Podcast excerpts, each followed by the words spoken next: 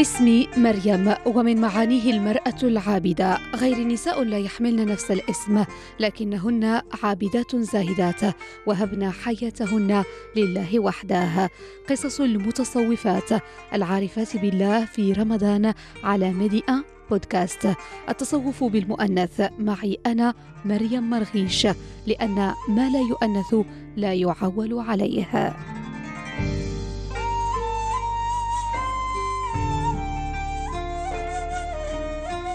ليست سيدة النساء فحسب إنها للرجال سيدة أيضا. اقتحمت عالم التصوف الذي كان حكرا على الذكور اتخذت من أعلام المرحلة شيوخا. صار اسمها أشهر من نار على علم في التصوف النسائي. بل مرجعا للباحثين والدارسين. علامة فارقة.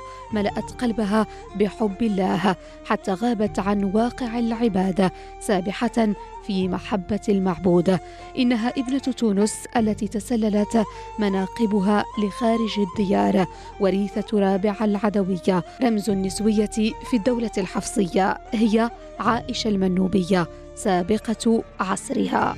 مرحبا بكم في حلقة جديدة من بودكاست صوفيات التصوف بالمؤنث.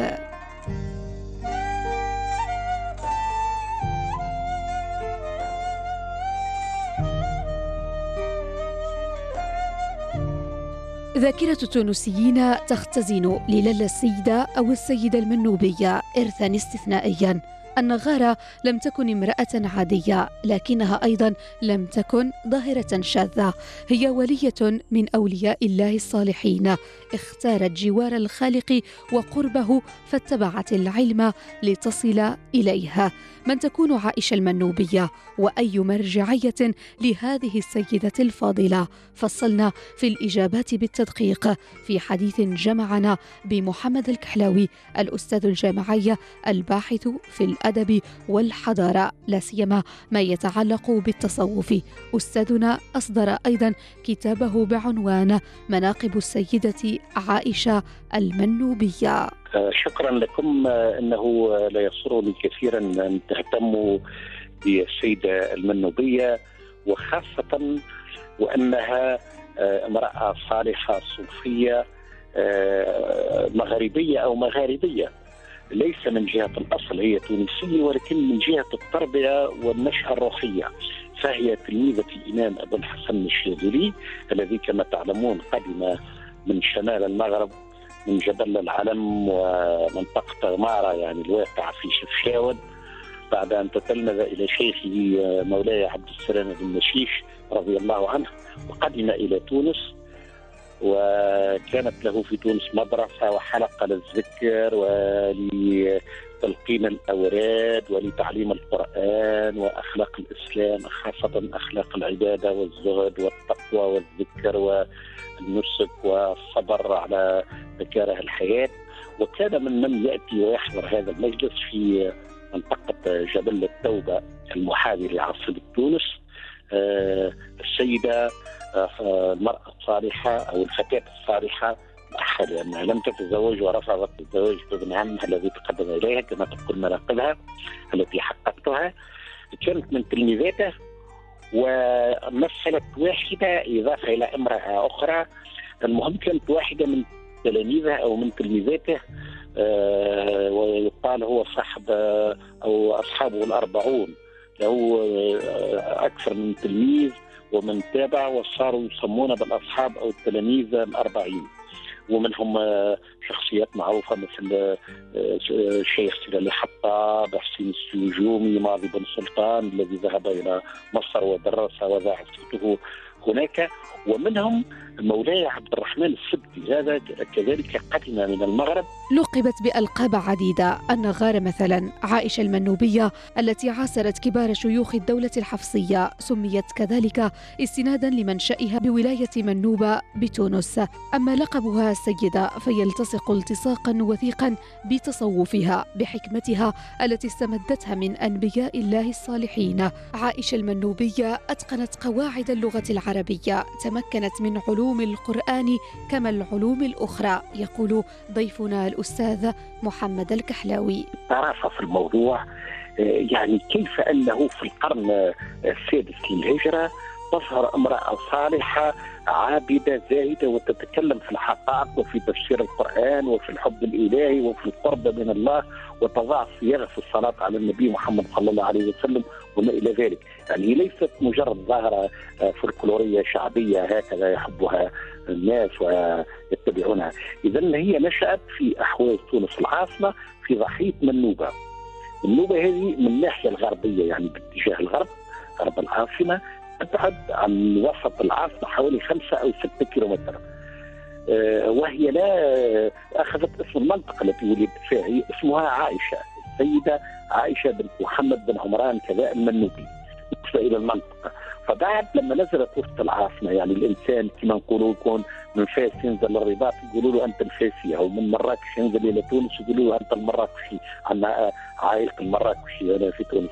اذا هي لقبت بالمنطقة التي جاءت منها. وريثة رابعة العدوية تصف نفسها زكت روحها بذكر الله وعملت على السمو بذاتها لله وحدها وصارت تجلس هناك وتذاكر وتتحدد وتتزهد وتميل أكثر إلى الصلاة وادامه الصلوات على محمد النبي صلى الله عليه وسلم وذكر اسم الله.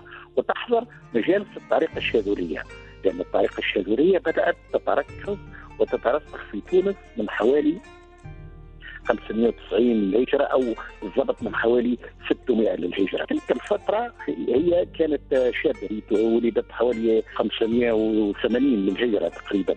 يعني كانت في بداية التكوين أو في طور التكوين والتلقي على شيوخ المدرسة الشاذلية. أبو سعيد الباجي ناظر بن سلطان أبو الحسن الشاذلي وهي تقول في مناقبها أن شيخي الشاذلي وتقول التقاني الإمام عبد القادر الجيلاني وأعطاني فتحة ولقنني ذكر اسم الله الأعظم. هذا تقوله في مناقبها ومدون عليه. لكن سألوها كيف عبد القادر الجيلاني لم يأتي إلى تونس وإلى بلاد المغرب ووقتها كانت قد توفي. قالت جاءني في المنام وظهرت لي روحه وكلمني وخاطبني ولقنني. وبعد ذلك تقول حتى أنها التقت بالانبياء أو أكثر الأنبياء على الأقل الأنبياء أصحاب الكتب التوحيدية مثل طبعا سيدنا محمد عليه الصلاة والسلام والنبي عيسى والنبي موسى وسيدنا إبراهيم وأخذت الحكم على سليمان.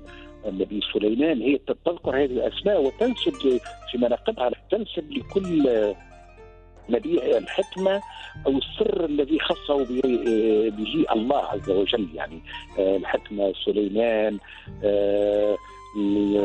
الرحمة والمحبة عيسى عليه السلام يعني حب الله وفعل الخير والشمولية بالنسبة للنبي محمد عليه الصلاة والسلام.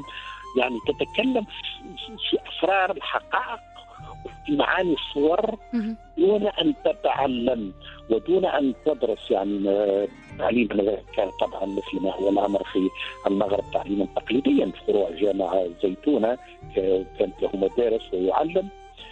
فهي لم تدرس ولم تحضر أي مدرسة ولكنها يعني من أدركها وجدوها تحفظ القرآن كاملا وتتحدث في هذا بحسب ما دونته وتتحدث في حقائق النبوة وفي أسرار معاني القرآن الكريم وفي وتتحدث عن رابعة العدوية تقول أنا وريثة رابعة أنا امتداد لرابعة العدوية و ووصلت إليه رابعة وصلت إليه أنا. لولية الله الصالحة بركات وكرامات لفرادتها قد يختلط فيها الواقع بالأسطورة. قد يذهب البعض إلى اعتبار كراماتها ضربا من خياله وقد تشد إليها بالمقابل مريدين من أقصى البقاع. هي هنا المنوبية ليست ظاهرة شاذة ومختلفة. الأولياء في المغرب وفي المشرق وخاصة في المغرب لما أقول المغرب المغرب العربي. كلهم عرفوا وأثير عنهم الكثير من الكرامات. وأصلا المجتمع لا يقبل ولي ولا يعتبر وليا صالحا وهنا لابد أن نوضح أمرا مهما. وخاصة وأن هناك من لا يستسيغ أو يرى ظاهرة الولاية كانها دخيله أو مسقطه مسقطه عفوا أو فيها من الشعوذة والمبالغة ولا صلة لها بجوهر الدين، لا الولاية أو الولاية مقام ومنزلة مذكورة في القرآن الكريم، والله عز وجل قال على أن أولياء الله لا خوف عليهم ولا هم يحزنون. وقال سوف يأتي الله بقوم يحبهم ويحبونه، وقال اتقوا الله ويعلمكم الله. وذكر المهم مدح مقام الولاية والأولياء باعتبارهم من الناس المقربين له. بماذا؟ بالمعرفة بالعبادة بالمحبة بهذه الأشياء الثلاثة ولكن أن يعتقد فيهم العامه أو يبالغون هذا أمر ثاني نحن وناس أكاديميين نؤمن بالعلم وبالمعرفة وبالتحليل العلمي. ولكن كتب التاريخ ومدونات المناقب هذه المكتوبة بحال تقول التشوف إلى رجال التصوف صلحاء الريف وصلحاء صلحاء المدينة وصلحاء الريف لعبد الحق البديسي المغربي. يتحدثون وأكبر خصلة ومزية للأولياء هي الكرامات. الكرامات اشكال وانواع منها السفر هكذا دون وسيلة نقل بسرعة يعني من أقصى المغرب إلى أقصى المشرق من المغرب إلى مكة قلب الأعيان يعني الحصول على الماء في مكان يعني في جفاف اطعام الناس ما العدد الكبير من الناس بالطعام القليل إغاثة الملهوف فك المضام يعني من يتعرض إلى خطر خطر في الطبيعة من حيوان مفترس من جماعة مجرمين فيأتيه الولي وهو بعيد أو يدعوه فيحضر أو يرسل إليه. هذه أشياء كثيرة وكثيرة جدا. حتى أن مثلا على سبيل الطرفة في مناقب المنوبية أن وجدت ذات يوم رجلا يبكي هكذا في الحديقة يعني في الجاردان تاع المدينة اللي هي كانت تجلس فيها وتتعبد وتذكر. فسألته ما سر بكائك وعويلك وتاثر قال أن زوجتي امرأة شديدة وتريدني أن آتي بخروف العيد بكبش العيد وأنا لا أستطيع أن ولا ليس لي ثمنه. قالت له إذا هذا سيأتيك كبش بعد قليل اذبحه لأولادك وسيعاقبها الله ويجازيها عن فعلها فعلا جاء أحدهم يريد أن يتصدق بكبش من الأثرياء قالت له وهذا الرجل نعطيه فأعطاه ذاك الكبش والله عاقب تلك المرأة يعني عقابا عسيرا. يعني أشياء كثيرة من هذا النوع. وأحدهم يعني أحد الفقهاء المتجددين كان يقول من هذه المنوبية؟ وما علمها؟ وكيف تتكلم في الأسرار والحقائق؟ وفي معاني القرآن؟ وتدعيه ودائما ويزجر الناس يقول لا تذهبون إليه ولا تجلسون معها وما إلى ذلك. ودخل ذات مرة ليحلق ذقنه. فاشتعل بيته واشتعل شعره ويعني كاد الحريق أن يأتي عليه. وغير ذلك من قصص كثيرة وكثيرة جدا. طبعا علمها بالمغيبات وهناك كرامة أخرى عظيمة جدا تذكر يعني فيها بعد خارق وعجائبي أن أحد تلاميذها المقربين وكان يذكر معها ويقرأ القرآن اسمه حسنان الحداد. عثمان الحداد هذا مقامه موجود إلى الآن نعم. في الطريق الشمالية بمدينة ماطر هذا يعني قالت له على سبيل يعني الدعابة والطرفة تريد هذا اليوم أن نصلي صلاة العشاء في مكة؟ قال لها يا ليت. فقالت له لنذهب صعدوا إلى المقام الشاذلي هناك إلى الجبل وقالت له لنقرأ يعني بعض قصار الصور وندعو الله. وأغمض عينيك فأغمض عينيه ولما فتحها وجد نفسه واياها في الحرم المكي الشريف. فصلوا العشاء وتلوا من القرآن ما تيسر ثم عادوا في ليلتهم. يعني أشياء كثيرة من هذا النوع طبعا هذه تبقى مسألة يعني ذاتية. هناك من يصدقها هناك من يرفضها هناك من يعتبرها تفسر قدرة الولي وقيمتها وتفهم فهما خياليا ووجدانيا وإيمانيا. في العقيدة يقال لا نبي دون معجزات ولا ولي دون كرامات. يعني الولي هو سمته الأساسية أن يكرمها الله بالكرامة. الكرامة هي خرق العادة. اتخذت من الحرية مذهبا من التمرد أسلوبا ومن الجرأة ما أكسبها قوة مجابهة مجتمع ذكوري قالت في وجهه أنا سيدة الرجال.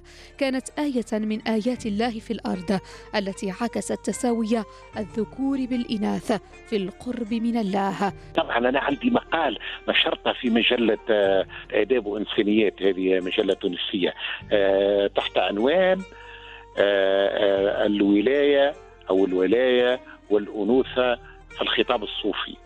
واستنتجت واستنادا لهذا القول كيف أن المرأة بامكانها أن تصل إلى ما يصل إليه الرجل القرب من الله وفي المعرفة وفي الصفاء الروحي وفي الطهرية وما إلى ذلك.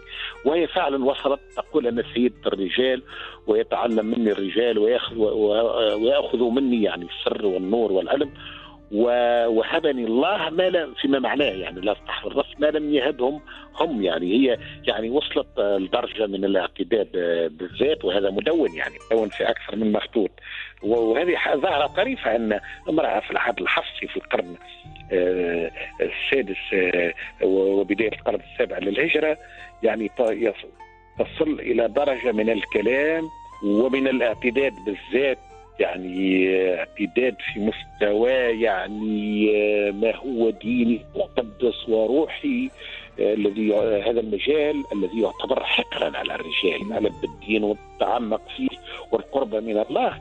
في التصور التقليدي للمجتمعات المغاربية في العصور الوسطى. يعني المنوفية يعني اخترقت هذا وظهرت يعني أنها متميزة وبلغة فصيحة وبينة يعني ظاهرة فريدة. رفضت الزواج من ابن عمها. عاشت في محبة الله عابدة زاهدة ناسكة. روضت نفسها على فعل الخير وإعانة المحتاج ونصرة الضعيف. بدل الخنوع لرغبات والدها. رفضت الاقتران بزوج لم تختره. تقول بعض الروايات إن الحدث ذاك دفعها للسفر صوب مدينة تونس. هناك جلست إلى علماء الفقه وشيوخها. في مقدمتهم أبي الحسن علي بن عبد الله بن عبد الجبار الشاذلي. من هنا انطلقت رحلتها في عالم التصوف.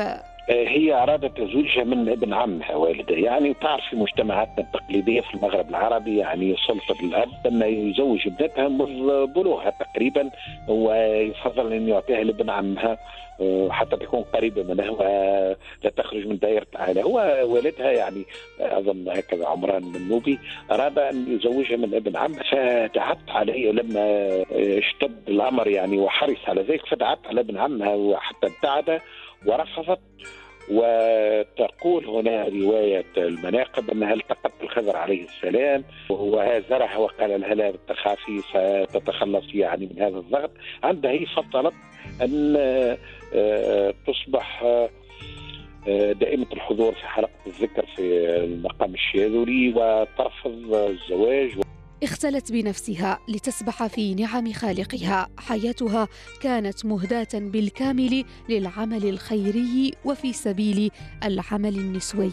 كانت وحيدة عصرها التي تلاقي الرجال دون حجاب وتناقشهم بكل ثقة. الروايات نقلت عنها أيضا تقربها من أمراء عصرها بالنظر لقوة شخصيتها وتأثيرها في محيطها.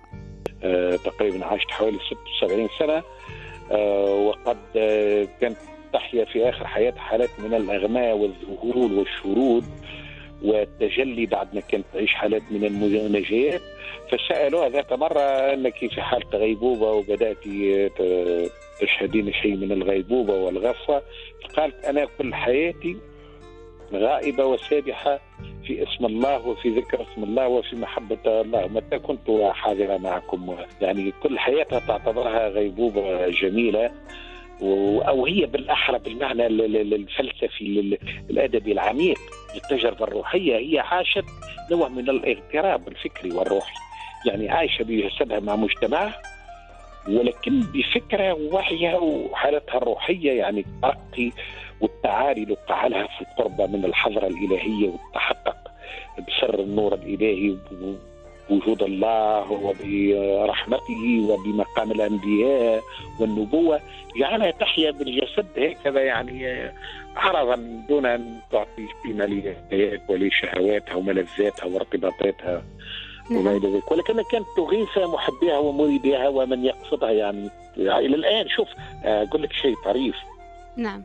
إذا ذهبت آه، منذ مدة إلى مقامها آه، لاراء الإصلاحات والترميمات التي أحدثت على المقام حرقها والإجهاز عليه من قبل بعض الجماعات المتشددة يعني تم احراقه منذ سنوات. فتم ترميمه.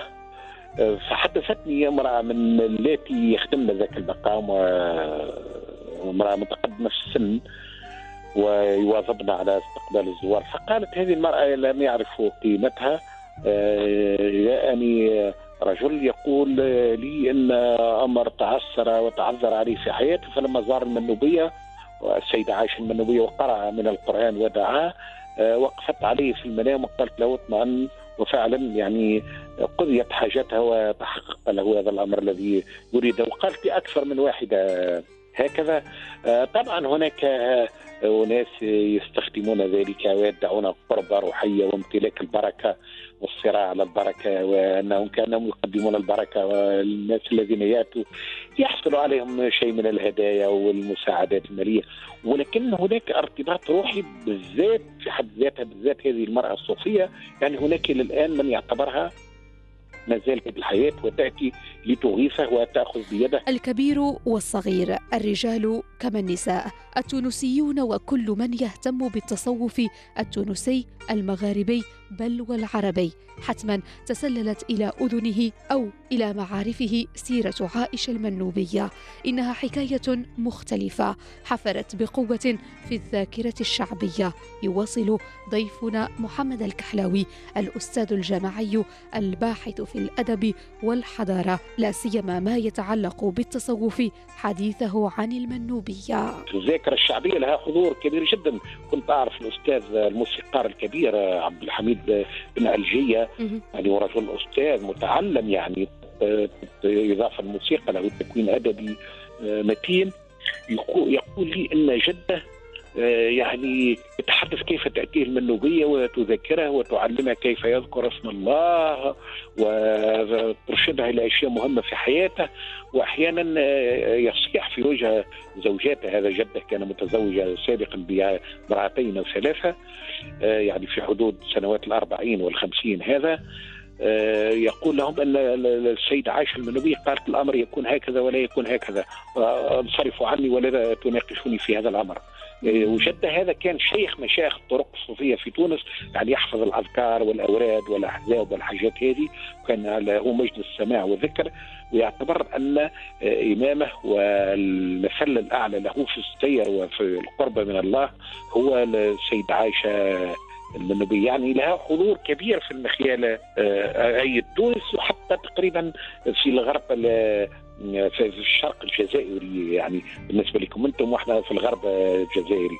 وفي ناحية ليبيا من جهة الشرق لها امتداد آه، وحضور وأظن أنني وجدت أنها مذكورة في بعض المدونات والمصادر المغربية والمناقب المغربية، الآن لا استحضر ذكرت هذا في في التقديم بتاع المناقب. ما تزال تستأثر باهتمام الجيل الصاعد، يستحضرها في كل مناسبة، يستحضرها في إبداعاته الفنية والثقافية، بل وينتشي بالمنوبية في حضرته.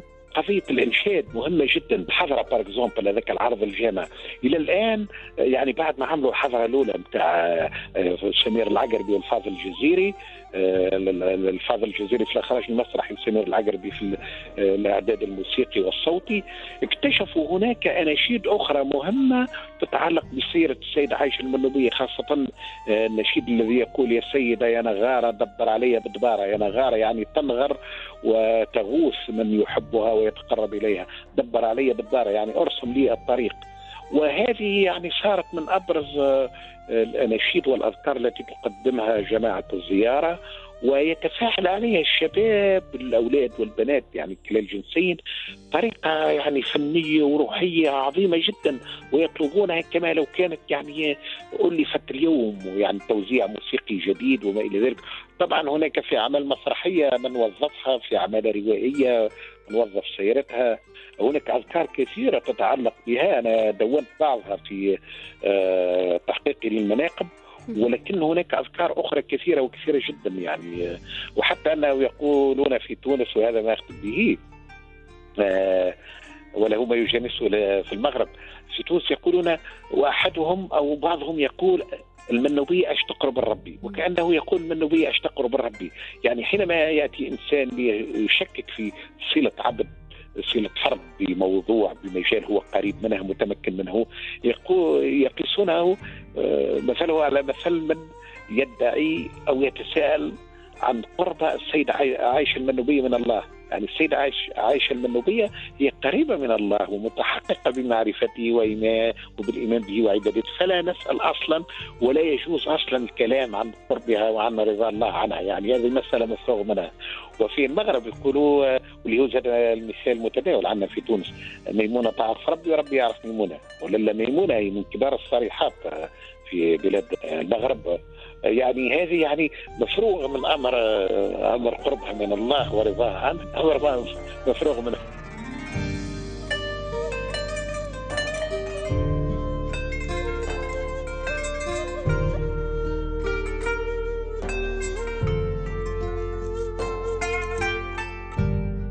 عرف عن المنوبية دعاء الضحى الذي توجهت به لله تقول فيه أنت يا دليل الحيرانين أنت يا مطمئن الوجلنين أكرمني برؤيتك واجعلني أدرك يقين وجودك. كررت المنوبية دعاءها هذا إلى أن استجاب الله لها وودعت الحياة صوب أخرى تمنتها دائما. شكرا لضيفنا محمد الكحلاوي الأستاذ الجامعي الباحث في الأدب والحضارة لا سيما ما يتعلق بالتصوف.